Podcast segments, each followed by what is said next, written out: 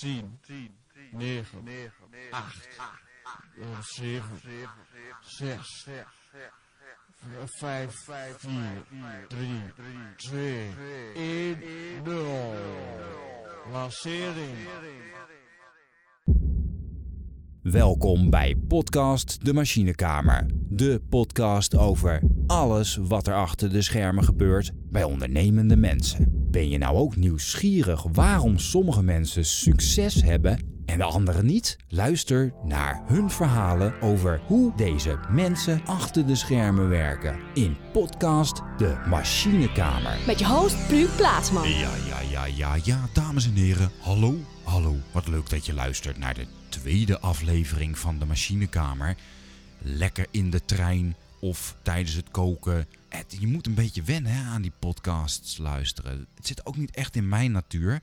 Maar ik hoop ook dat sommige mensen door de Machinekamer misschien wel podcasts gaan luisteren. We hebben vandaag de gast Eline Wielinga. En die moet ik even kort introduceren. Die werkt bij DIG. En dat is een bedrijf die eigenlijk door middel van design thinking grote en kleinere bedrijven helpt om problemen op te lossen. En eigenlijk heeft dat heel veel uh, gelijkenissen met het creatieve proces wat creatieve studenten en creatieve zelfstandigen doorlopen. En daar ga ik het met haar over hebben vandaag. Ja, ja, ja, ja, ja, ja, ja, ja, ja, ja, ja, ja, ja, ja, ja. Dames en heren, je bevindt je in de machinekamer met in deze aflevering Met je host Pru Plaatsman. Nou, daar zijn we weer. Aflevering 2. Van de machinekamer. Maatje. Dames en heren, vandaag met... Eline Wielenga. Oh ja, we hebben koffie. Wat vond je trouwens van de koffie? Nou, ik, weet je wat het is? Het is echt iets heel anders dan eh, filterkoffie. Het is filterkoffie. Nee, maar het is anders. Shit. Oké. Oké. ehm, ik denk dat het heel handig is als ik een soort van de basis uitleg. Een soort van de ultimate basis van wat wij doen. Is dat handig voor jou? Ja, kan. Oké. Zal ik daarmee beginnen? Ja, is goed. Oké. Ehm, Oké, wij heten dus Design Innovation Group. Ja. Ja. Ehm, en wat wij verkopen aan eh, opdrachtgevers eh, is vooral eh, het ehm, ontwerpend onderzoek, dus design thinking. Mhm. Wij zitten vooral bij bedrijven zoals ziekenhuizen, dus in de zorg. Maar we zitten ook bij de gemeente en die hebben dan projecten over eh, het naastplaatsen van afval bijvoorbeeld. Of het, een, een systeem wat ze hebben wat verbeterd moet worden. Dus het zijn allemaal dingen die maatschappelijk zijn, maar ze zitten altijd met vraagstukken waarvan ze denken: we komen er niet uit, we moeten hier iets mee. eh, en we willen dichter bij de gebruiker komen. Mhm. Ehm, wat wij verkopen is design thinking. En dat, dat is, de basis daarvan is een bepaalde methode. Dat heet de Double Diamond methode. Mhm. Ja, de Double Diamond methode is eigenlijk een ontwerpprocesmodel uit 2005 en er werd gepopulariseerd door de British Design Council. En gaat eigenlijk uit van het divergeren en convergeren, het hele tijd eh, vergaren van informatie en het weer kleiner laten worden en het weer duiden. En dat ga- zijn eigenlijk eh, twee verschillende fases, of zijn het eigenlijk vier verschillende fases? Eline, had je dat niet even uit kunnen leggen? Nee, niet gevraagd, joh. Vul een amateur katpodcaster. Op basis van die Double Diamond methode, waar je dus gaat divergeren en convergeren, ehm, eh, verkopen we eigenlijk ons onderzoek. En de basis daarvan is dat we altijd met een gebruiker beginnen. Dus we willen altijd met de gebruiker, dus de uiteindelijke bewoner of de uiteindelijke patiënt of de uiteindelijke eh, persoon die gebruik gaat maken van hun, pro- van hun propositie, van hun dienst of van hun, nou, hun zorg. We gaan altijd uit van, vanuit de gebruiker. En dat hele proces, dus het divergeren, heel veel onderzoek doen, interviews doen, observeren, kijken wat is nou echt het probleem, wat is echt het vraagstuk, waar zit de gebruiker mee, waar zit ze intern mee. We verzamelen heel veel informatie met allemaal verschillende methodes die er zijn. En vervolgens gaan we dat analyseren. Dus jij hebt bij je eh, eigenschappen opgeschreven dat je analytisch bent, toch? Zag ik net staan. Dat is iets wat wij allemaal hebben, want we hebben allemaal die eh, analytische ontwerpachtergrond. Ehm, en dan gaan we uit al die data, halen we dan soort van thematieken. Dus het gaat hierover en het gaat daarover. En we herkennen dat eh, heel veel mensen hebben iets gezegd over puntje, puntje, puntje. Nou, dat brengen we allemaal in kaart, dat visualiseren we. Dus zodat het voor de opdrachtgever helder wordt. Vaak betrekken we ze daar ook bij. Dus altijd in co-creatie betrekken we ze bij dit hele proces, zodat ze ook nog begrijpen wat we aan het doen zijn en het niet een soort van black box gehalte krijgt. Nou, dan hebben we eigenlijk aan het einde, dan zit je nog steeds in die eerste diamant. Dus we zijn nu gaan convergeren. Dan eindigen we met een ontwerpvraag en dat noemen we dan een hoe kun je vraag. Elke taak begint met de hoe kun je vraag. Wat is die methode? Wat is die methode? Hoe kun je? Hoe kun je? Ah, hallo, eh Pluk, doe je even normaal, dankjewel. Dus dat zou één vraag kunnen zijn, maar dat kunnen er ook zes zijn. Op basis van de dingen die we hebben geanalyseerd uit al die informatie die we hebben opgehaald. En die hoe kun je vraag is het begin van het ontwerp. Dus we doen eerst echt onderzoek. Gaan we het goede ontwerpen? Gaan we het goede bedenken? En dan hebben we de hoe kun je vraag. En dan ga je daarna nadenken over wat gaan we dan ontwerpen. Dus dan pas komt het brainstormen. Dan, kan, dan pas komt het hoe gaan we antwoord geven op deze vraag. Want we weten nu zeker dat dit een goede vraag is. Ehm, en dan gaan we weer divergeren. Dus heel veel brainstormen, heel veel eh, ophalen met zoveel mogelijk experts en zoveel mogelijk gebruikers en zoveel mogelijk mensen die met dit vraagstuk iets te maken hebben.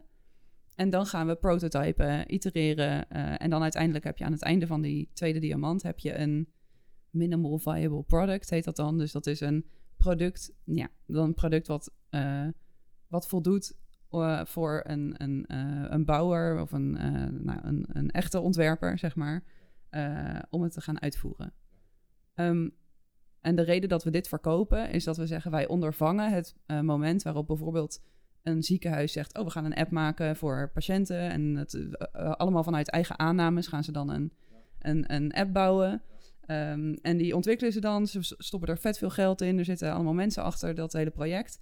En dan is, ligt die op de markt en niemand gebruikt die hele app. Eh, vet zonde, want je hebt en heel veel geld erin gestopt en heel veel tijd erin gestopt. Maar dit had je allemaal kunnen ondervangen door te beginnen met een gedegen gebruikersonderzoek.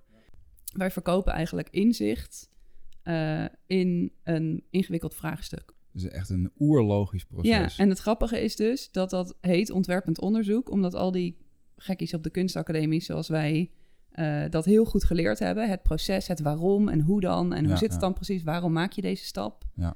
Dat hebben wij heel goed geleerd. En daarom zitten er allemaal mensjes nu in die wereld van design thinking. Ja, eh, nou, dat uit te voeren voor hele andere vakgebieden, want iedereen heeft dat nodig. dat klopt. Nee, dat is ook wel, dit is wel een bekend verhaal ook, want het is ook gewoon eigenlijk het creatieve proces Ja, wat wij, eh, wat ik mensen op de kunstacademie leer. ja, Want ik zie gewoon alle fases die in mijn seminar Precies. zitten, die komen Ja. hier ook in terug. Ja. En het zijn dus inderdaad een aantal skills van eh, dat je een soort van, je hebt onderzoek met onderzoeksmethodes. Ja. Eh, je kan eh, bijvoorbeeld, als jij een fiets interessant vindt, kan jij zeggen, hey, het gaat over mobiliteit. Of het Ja. overkoepelende thema is mobiliteit. Dus dat je, je hebt een soort van flarders, Ja. Eh, haalt, haal je uit het onderzoek. En daar kan jij van zeggen van, hey, dit hoort bij dit en dit thema. Dat is Mhm. echt een heel belangrijk ding van ook wat ik die studenten in die seminar probeer Mhm. te leren. Dus soms komen ze met het overkoepelende thema. En moeten ze die soort van uit gaan bouwen. ja. En soms komen ze met een flarde. En dan moeten ze dus gaan kijken wat is het overkoepelende thema. En wat hoort er nog meer bij dit overkoepelende thema. En hoe overkoepelend is dit thema. Ja. Of is er nog een groter thema omheen. Dat is fucking moeilijk. Vinden ze heel moeilijk. Mhm. Maar ehm, vooral ook eh, structureren. Want als je zo'n onderzoek doet met, je, met jouw methodes, persoonlijke methodes. Ja. Zo'n bedrijf heeft natuurlijk ook, zo'n bedrijf wat jullie, eh, jullie hebben ook persoonlijke methodes. Eh, Ja. Heb je allemaal een soort van data, of misschien zijn het wel hele standaard methodes. Maar dan haal je dus superveel data op. En dan moet je daar ook weer dezelfde truc toepassen. Van oké, waar gaat het over? Wat, waar, weet je, dat is gewoon.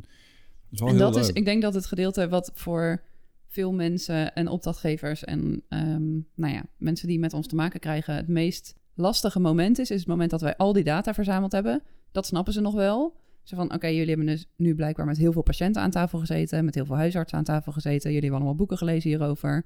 Ehm, en dan gaan wij die ana- analysefase in. En dat is heel erg een gut feeling ding. Wat wij kunnen, omdat we dat in onze hele opleiding op de kunstacademie altijd hebben gedaan. Ehm, en dat kan je eigenlijk niet beter uitleggen dan je gaat er met z'n allen doorheen en je herkent bepaalde thematieken. En dat is denk ik het meest magische van design thinking. Dat moet in je zitten. En ik denk dat er sommige mensen kunnen dat heel goed. En er zijn mensen die zien dat niet. En eh, dat vind ik het lastigste om uit te leggen aan een eh, opdrachtgever van het komt goed.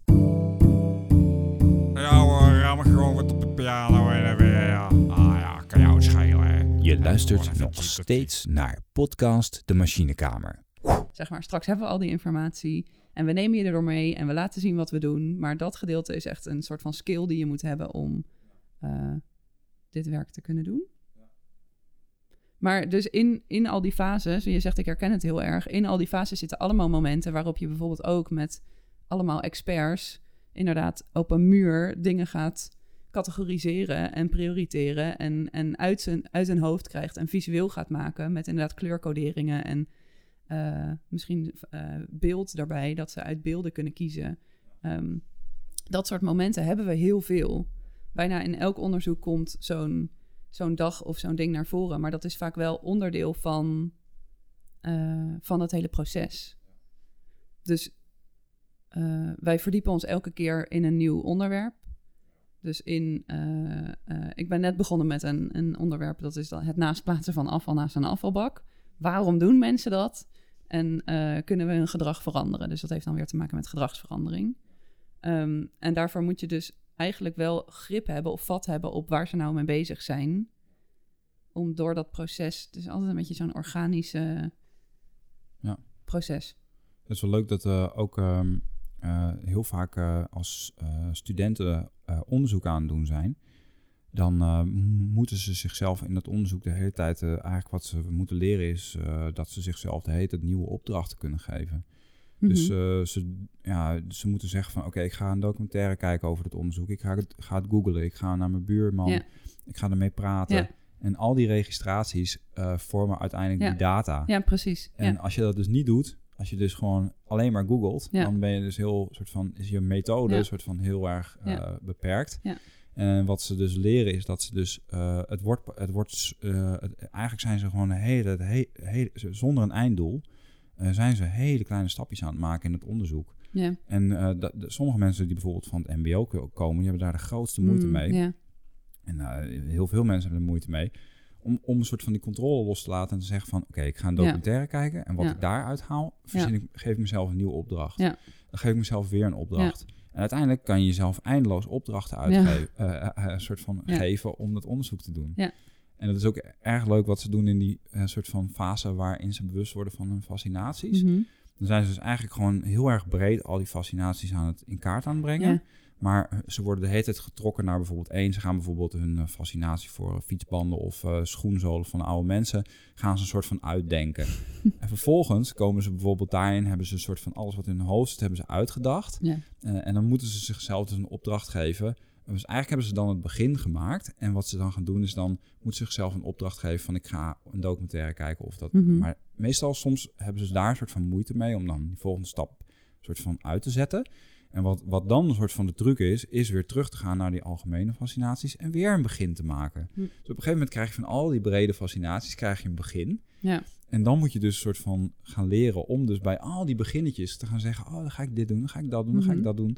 En op een gegeven moment, als ze dat op een gegeven moment in de gaten krijgen, dan denken ze van, yo, ik kan gewoon alles doen wat ik wil. Gewoon. Ik kan gewoon een idee verzinnen, ik Ja. kan gewoon een documentaire kijken en er komt wel wat, weet Ja. je wel. Dan krijgen ze vet veel vertrouwen in hun Ja. Eigen manier van onderzoeken. Ja.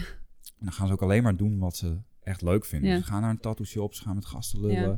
En dat, is, dat vind ik ook wel ehm, heel belangrijk. Want in een van mijn opleidingen die ik heb gedaan, daar begin je het jaar met wat is je fascinatie? En dat is een super moeilijke vraag.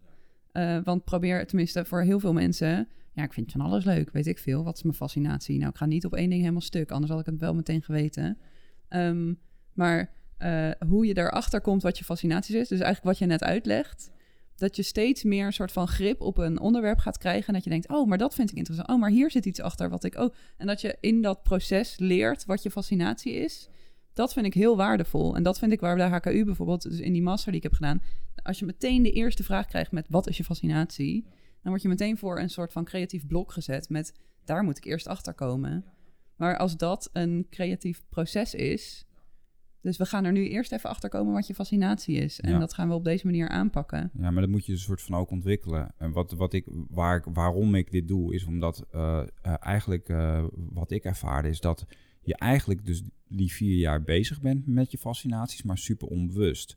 Dus Ja. dat ze in de derde, in de vierde altijd vragen van... hey, wat zijn je fascinaties? En je moet eh, eh, onder het eh, thema milieu moet jij een, een thema Ja. kiezen wat jou fascineert. ja, Maar je leert niet om die fascinaties in kaart te brengen Nee, en hoe dat nou eigenlijk werkt. Dus dat heb ik ontdekt, hoe dat eigenlijk werkt. Dat heb ik niet zelf verzonnen, maar dat heb ik gewoon... Ja, ik heb het zelf soort van de, het begin gemaakt. Maar eigenlijk wat ik heb gezien in, in, alle, in de jaren dat, dat ik dit doe... is, is, is gewoon een soort van de theorie geworden. Ja. Dus zo werkt het, Ja. heb, ik, heb ik verzonnen. Het is bij iedereen hetzelfde. Ja. Het werkt zo. Dus begin in de eerste met breed. Leer ze een soort van beginnen maken, onderzoeken maken. Leer ze dat het onderzoek steeds opschuift. Eh, leer ze daarin weer alle skills die je nodig hebt. En je bent eh, bewust met je fascinaties bezig in plaats van onbewust. Dus dat proces, eh, als je dat proces bewust doorloopt, gaat de ontwikkeling veel sneller. Maar dat, is dat iets wat je daar... Je schudt nu nee. Is dat iets wat je daar hebt geprobeerd te implementeren? Nou, dat, dat, eh, dat, is, dat is mijn soort van missie. Ik denk dat dit eh, het missende element is. Ja. Dus de, het missende design thinking en bewustzijnselement is van de kunstacademie. Heel erg, ja. eh, wat nog niet op grote schaal erkend is. Nee. Dus ik mag het wel doen. Ik mag lesgeven in jaar 1. Ik mag mijn seminar elke Mhm. half jaar geven. Eh, studenten zijn daar super positief over. Ja. Mensen zeggen van, yo, ik werk nog steeds op de manier waarop jij dat mij dat in 2013 hebt geleerd. Ik ken die hele, doe het niet eens. Ik weet, ik weet het niet meer. maar ik vind het zo vet om te horen. Ik vind Ja. het zo leuk. En, Ja. ik, en, ik, en, ik, en, ik, en, ik, eh, en ik vind die studenten zo gaaf. Ja. Maar eh, je moet het koppelen aan theorie. Dus jij kan niet soort van docenten dit gaan vertellen, want het is helemaal niet Maar bewezen. er is theorie, want er is namelijk design thinking is bewezen. Als je kijkt naar IDEO, dat is het eerste bedrijf die ermee kwam. Die heeft op basis van allemaal wetenschappelijke eh, onderzoeken... hebben ze die design thinking methodes uitgedacht. En die zijn er niet voor niets. En het is niet voor niets dat er nu heel veel bedrijven zijn die dit, die dit uitvoeren... en die ook nog eens best wel wat centjes ermee verdienen. Het is gewoon nodig om op die manier een onderzoek aan te vliegen. Je luistert nog steeds naar podcast De Machinekamer. En dit is uw host, Pluk Plaatsman. We moeten gewoon een soort van movement starten. Ja. Maar mijn, eh, eh, eh, mijn les is ook dat ik dat niet alleen moet doen. Nee. Want dat eindigt in frustratie. Ja. We hebben ook vragen van opdrachtgevers, bijvoorbeeld laatst van ehm, een gemeente. En die hebben dan een bepaalde verandering intern. Ehm, dus dit ging dan over een, een afdeling binnen de gemeente. En die gingen vallen onder een andere afdeling. Heel saai verhaal eigenlijk. Maar ehm, wat de vraag aan ons is, is of wij dan een dag willen organiseren. Waar ze met z'n allen gaan nadenken over eh, nieuwe werkzaamheden die ze eh, gaan uitvoeren. Of, eh, ehm, nou ja, en dan, hebben, dan faciliteren wij een dag van ochtends tot avonds op een gezellige locatie. Waar we eigenlijk, nou ja, met hen gaan, gaan brainstormen en dat in kaart brengen. En we hebben hele processen waarin dat allemaal plaatsvindt. Ehm, dat soort dagen, daarvoor worden we ook vaak gevraagd. Ja. Dus dat- dat- die dat- vraag ligt daar wel gewoon. En daarvoor hoef je dan niet bij een heel onderzoeksproces aanwezig te zijn. Dan is het gewoon een, dan Ja. is het gewoon een freelance. Ja, dat is dus eh, het is wel grappig, want ik heb die afdeling zichtbaarheid en overtuigen genoemd. Ik moet dus bijvoorbeeld eh, partijen overtuigen van dat ik een ideeënkanon ben. Hoe bewijs ik dat ik een ideeënkanon ben en dat ik mee kan praten over die onderwerpen? Dan gewoon naast gaan zitten. Gewoon meedoen. Ja, meedoen. Ja, of gewoon eh, als iemand naar mijn podcast luistert, dat ze denken, Guerri- jezus, een goed verhaal. die gast." Guerrilla Ik geloof het wel. ideeën kanon. Ja. Ja, maar je moet dus op heel veel manieren moet je dus mensen overtuigen, helemaal als je zelfstandige bent. Ik kan natuurlijk ook er- ergens gaan werken waar ze langzamerhand achterkomen van, oh, deze gast kan dit, dit en dit. Ja. Eh, maar ik vind het ook heel leuk om het soort van eh, zelfstandig te blijven doen of zo. En te zoeken naar een soort van ja, iets unieks. Ja. Dus dat je zegt van ja, ik ben een i- ideeënkanon, maar ik ben niet alleen maar ideeënkanon, want zonder structuur zou ik nergens zijn. Mhm. Ik kan het, ik kan het visualiseren, ik kan het structureren. En Dat je dus weer meerdere skills aan elkaar koppelt. En dat dat een soort van jou uniek maakt. Ja. Dat lijkt me heel vet. Ja. En dan kijken van oké, waar kan je dat laten landen? Waar ben ik waardevol? Eh, en dan eh, gaat het natuurlijk ook om ja, eh, netwerk. En dat dat netwerk inziet van hé, hey, die gast die kan dat. Ja. Da- dat is een beetje het traject. Ja. En eh, ik denk dat ik daar... Ik denk dat het ideeënkanon en ontwerpend onderzoek, dat dat eh, uit elkaar staat. Als een, een ideeënkanon Jazeker. zijn, ja oké. Ja, Want bij ontwerpend onderzoek dan roepen mensen altijd... ik ben heel nieuwsgierig en ik heb geen aannames... en ik sta altijd open voor alles wat iedereen tegen me zegt. Want dan ben je zeg maar je aan het eh, een soort van als een spons alles aan het opnemen wat, waar, waar die eindgebruiker over spreekt. En op het moment dat je een ideeënkanon bent, dan denk ik dus eerder aan ehm, creatieve bureaus, evenementenbureaus, uh, reclame mensen, dat soort, zo'n hoek, die gewoon goede ideeën nodig hebben. En in de ontwerpend onderzoekkant is het meer nieuwsgierigheid en onderzoekendheid naar wat hebben mensen nodig. En dat ga ik allemaal voor ze uitpluizen. Ja. Ik denk dat je die, dat die ideeën, dat die skill van ideeënkanon moet je dus wel inzetten in de juiste fase. Ja, ja precies. Juist in onderzoek moet je niet uh, uh, te veel in eindresultaten denken. Nee. Maar ik, wat ik altijd tegen studenten zeg, is dat eigenlijk een idee, een slecht idee, tijdens een onderzoek bijvoorbeeld, ja. moet je wel vastleggen. Ja. Want een element van een idee kan uiteindelijk in je uiteindelijke idee Ja. gebruikt worden. Ik noem altijd het voorbeeld van mijn afstudeerproject dat ik mijn eh buttentje van ik leer Arabisch in het Arabisch. Op een Mhm. gegeven moment zag ik een keer Poolse letters. Toen dacht ik, wow, eh, die Polen die kunnen dat alleen maar lezen. Toen dacht ik, hé, hey, als ik Arabische letters schrijf, kunnen mensen die Arabisch kunnen dat alleen maar lezen. Dan had ik een soort, soort van, ik leer Arabisch, opgeschreven in Ja. Arabisch. Had ik in mijn procesboek geplakt Ja. vet gestructureerd procesboek. En uiteindelijk, eh, een jaar later of zo, keek ik dus in het procesboek en had ik een woordenboekje bedacht. Dan dacht Ja. ik, hé, ik doe die button op dat woordenboekje. Ja. Dan is dat een soort van één product geworden. Zodat je een soort van, die flarden... Dat je eh, die wel mag bewaren en mag koesteren. Ja. ja. die mag je wel eh, vastleggen. Maar je moet, je moet nooit denken dat dat het is. Mhm. En het is ook eigenlijk weer een soort van puzzel. eh, dat uiteindelijk idee is weer een puzzel. Ja. Van allemaal een soort van stukjes onderzoek en flardes. Waarin je dus een soort van wel je ideeën kanon skill gebruikt om die flardes te verzinnen en zo. Maar eigenlijk Het, Ja. mag er, het mag er zijn, maar het moet niet eh, Nee. je, je ultimate focus zijn op dat moment. Nee. Je moet nog openstaan voor ja, verbetering, verbreding, aanvulling. ja, dus dat je inderdaad wel de onderzoeker belijft. Ja. En eh, een stiekem de ideeënkanon die wel stiekem alle slechte ideeën opschrijft. Ja. En daarna weer de analyticus die dat weer soort van tot een juiste... eh, of die dat weer goed kan analyseren van... hey, dit, hebben we, dit element hebben we nodig. Of alleen maar de drager van een idee. Van, heb eh, verzonnen dat dit op een speedboot moet komen te staan of zo, weet ik wel. Ja. Dat je dat weer gebruikt, dat is wel leuk. Maar ja, dus dat... ehm, dat het dus, eh, wat ik, ja, wat ik dus eigenlijk vind, is dat het gewoon zonde is om, om, eh, om, om allemaal skills niet te ontwikkelen, snap je? Dus als je op een plek werkt waar je die skills soort van niet kan ontwikkelen, maar een deel van die skills of zo, Mhm. dan denk ik gewoon, ja, ik moet gewoon andere dingen erbij gaan doen waarbij ik het wel kan doen. Ja. En dan gewoon zoeken naar wat is nou, wat is nou, want ik kan, eh, ja, ik kan wel zeggen dat ik podcast kan maken, maar dat kan iedereen. Ja. Toch? Maar, wat weet is nou een niet. soort, nee, maar wat is nou een soort van echt een unieke skill? Dus als ik eh, eh, een paar dingen bij elkaar pak en ik maak een plan en ik zeg tegen jouw baas, hey, Ik denk kan- dat een unieke skill is dat je van heel veel verschillende dingen verstand hebt. Dat je goed onder woorden kan brengen wat die skills zijn, wat dat voor iemand kan betekenen. En dat je dus verschillende dingen kan. Dus dat het niet alleen maar zo is, ik kan animatiefilmpjes maken. Ondanks dat dat heel tof is en heel waardevol. Eh, hoe vaak komt het nou voorbij dat iemand een animatiefilmpje nodig heeft? Maar stel, eh, dat zit in een grotere verpakking. Eigenlijk een soort van de ingrediëntenlijst die jij hebt, die jij in huis hebt. En waarvan je denkt, hier ben ik goed in en dit wil ik inzetten. Dat je dat, dat, ik denk dat dat uniek is op het moment dat je dat goed onder woorden kan brengen. Ik denk dat op het moment dat iemand jou nodig heeft en dat het helder is, iemand die loopt in een proces en die denkt, oeh, ik heb allemaal opdrachten binnengehaald ehm, en ik kan allemaal personeel hierop inzetten, maar it's too much for them. Ze hebben gewoon nu hun handen vol en ik moet er iemand bij slepen. Oh, dan sleep ik Pluk erbij, want die kan altijd zo'n proces doorlopen. Of die kan ik op deze fase inzetten. Of daar, da- daar heb ik iets aan. Want wij spreken bij DIG met heel veel mensen die aanvullend zijn op wat we doen. Dus die ehm, bijvoorbeeld, eh, eh, nou ja, heel veel verstand hebben van de zorg. Eh, maar die zouden niet zo'n onderzoeksproces kunnen uitlopen. Dus ons, ons echte product dat wij verkopen, kunnen zij niet draaien, zeg maar. Zij zouden aanvullende expertise zijn op het personeel wat we hebben. Ehm, maar op het moment dat jij kan laten zien van alles wat jullie kunnen, kan ik ook. En ik zou ook bij kunnen springen in bepaalde fases als een soort van gekke creatieve aanvulling, verbeelding.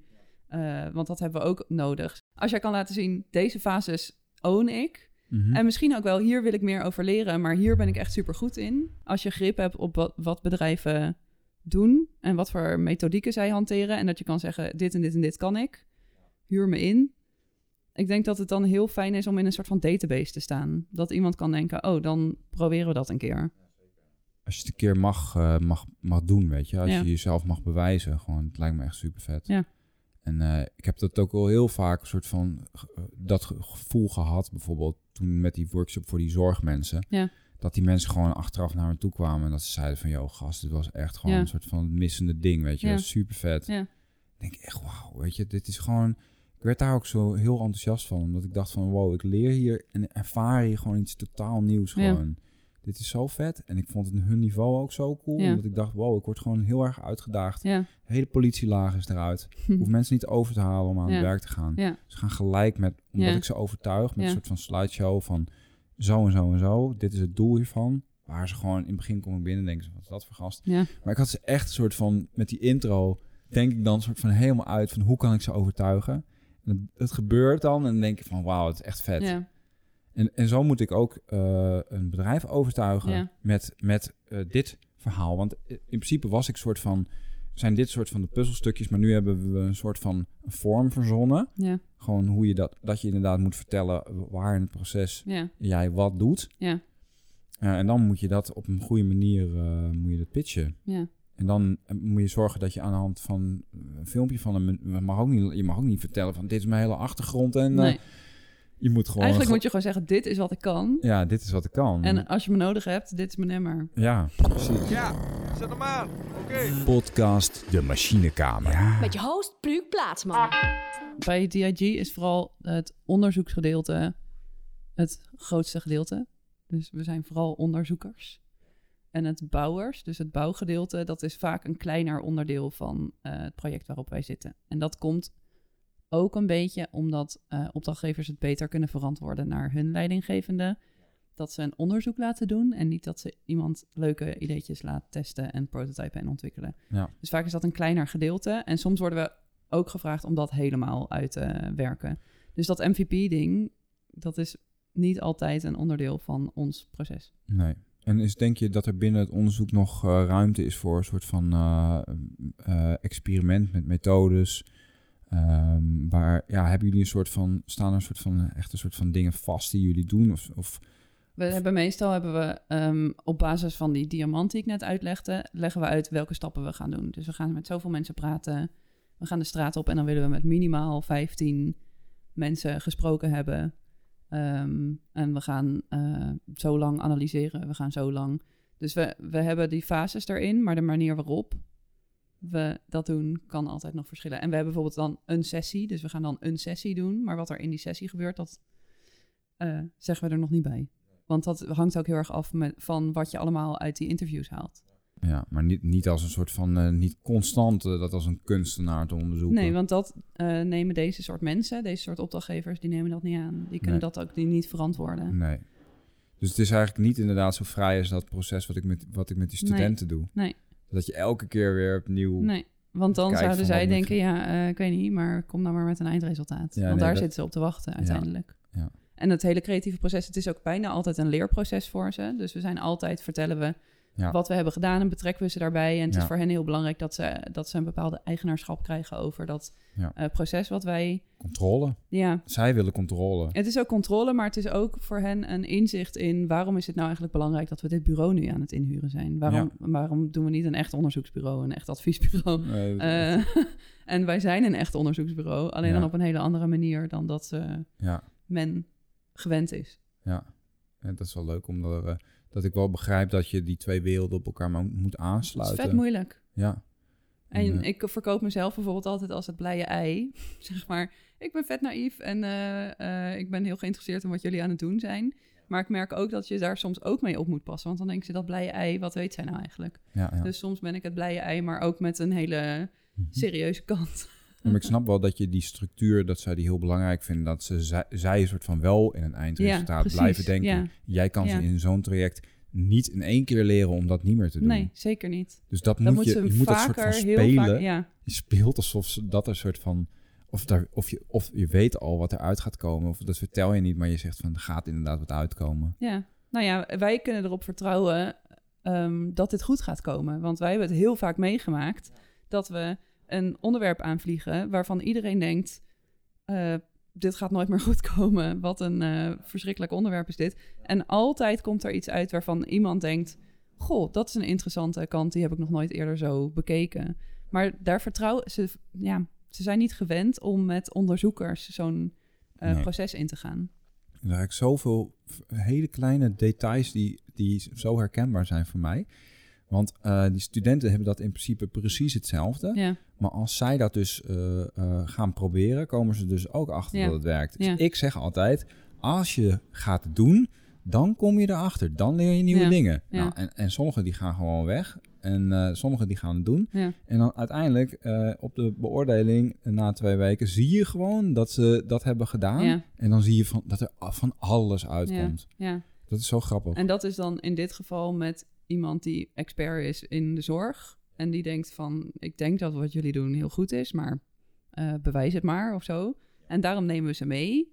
Co-creatie, arm in arm. Oké, let's go. Ja, ja. Want we hebben jou ook nodig. We hebben jouw expertise nodig hiervoor. Oh. Ehm, nou, eh, en, en daardoor eh, krijgen we ook opdrachtgevers die de hele tijd terug blijven komen. Omdat die denken dat magische eindproduct, dat wil ik nog een keer. En dat wil ik ook hierop inzetten. En die binnen, binnen zo'n gemeente word je dan ook ineens overal op ingezet. ja. Omdat iedereen van elkaar hoort. Oh, dat was zo vet. Ja, vertrouwen in dat, Ja. in dat proces. Ja. Dat is wel heel belangrijk. Ja. Maar ook leuk dat je daarover als bedrijf over nadenkt. Van, joh, hoe kunnen we dat...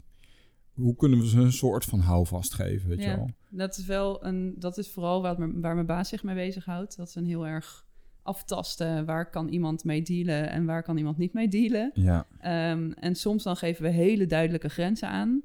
ehm, waar vervolgens eh, stiekem uiteindelijk bi- daarbinnen best wel flexibel mee om wordt gegaan. Maar als je ze het idee geeft dat het een heel duidelijk stramien is, ja. Dan kan je zelf nog zoeken hoe kunnen we hier zo flexibel mogelijk mee omgaan. Ben je nou al tijden nieuwsgierig hoe creatieven eigenlijk werken? Waarom zie je alleen maar eindproducten en blijft het achter de schermen van hoe deze mensen werken zo onbesproken? Als je daar meer over wil weten, dan ben je op het goede adres. Dit is podcast De Machinekamer met Pluk Plaatsman. Yo, Pluk, what up, man? Nou, ik vond het uiteindelijk, denk ik, dat we er nog echt een topgesprek Toch, kunnen knippen. Ik denk het ook. Maar misschien Misschien een het- hele andere volgorde. Het eerste uur eraf, kijken wat er gebeurt. En we zitten gewoon in De machinekamer. de machinekamer. Dames en heren. Er komen allemaal jingles onder natuurlijk. Intro onder. Ja. Gefascineerd door kunst, ontwerp of andere creatieve uitingen en nieuwsgierig hoe deze mensen achter de schermen werken? Luister dan naar podcast De Machinekamer. Is goed. Dankjewel dames en heren. Bedankt voor het luisteren Tot naar de machinekamer. V- vanuit de machinekamer wens ik u een prettige dag verder. Mijn naam is Piet Plaatsman. En uw naam is... Eline Wienega. Bedankt voor het luisteren. Tot ziens. Bedankt voor het luisteren naar podcast De Machinekamer. Hey, hey. Bedankt voor het luisteren. En als je nazorg wil, kijk even op de website www.plukplaatsman.nl. Misschien ga je via daar even naar mijn Instagram. En als je deze podcast leuk vindt, stuur hem dan gewoon even door naar je vrienden. Zeg gewoon: hey, luister deze even tijdens het koken. Of in de auto. Of op weg naar Berlijn. Of. eh, ik weet niet eigenlijk. Of, eh, en als je met me wil freestylen in mijn ruimte, heb ik een vette microfoon voor je. Witte wel, witte niet. Ik zit hier gewoon de hele dag een beetje te freestylen en zo. En ondertussen een beetje vette podcast op te nemen. Dat is helemaal niet maar waar. Het is echt fucking pleurswerk. Dit is niet normaal. Weet je hoe lang ik hiermee bezig ben geweest? Ongeveer zes uur. Met deze edit. Jezus mina. Als ik dat had geweten, dan doe ik mezelf aan joh. Het is wel prachtig. Het is wel echt super vet. Het is leuk. Het is een, eh, het is een soort computerspel, zo'n podcast editen. En opnemen is ook leuk. Met leuke mensen praten. Hey, maar eh, leuk dat je er nog steeds bent. Ehm, ja, volgende keer weer luisteren. Want eh er komen echt vette gasten. En ik ben constant mensen aan het, aan het bedenken die ik wil gaan interviewen. Dus als je ook nou een vette kunstenaar of een ontwerper of iemand hebt die je gewoon doop vindt, eh, ga die gewoon even pushen bij mij. En dan ga ik die gewoon even stalken en vertellen van nou, eh, vertel maar even hoe je werkt. En waarom ben jij zo gemotiveerd? En eh, nou, van dat soort dingen. Dus eh, ja, leuk dat je dat eh, support. Eh, en eh, bedankt eh, voor alles. En eh, tot ziens en tot de volgende aflevering. Dankjewel.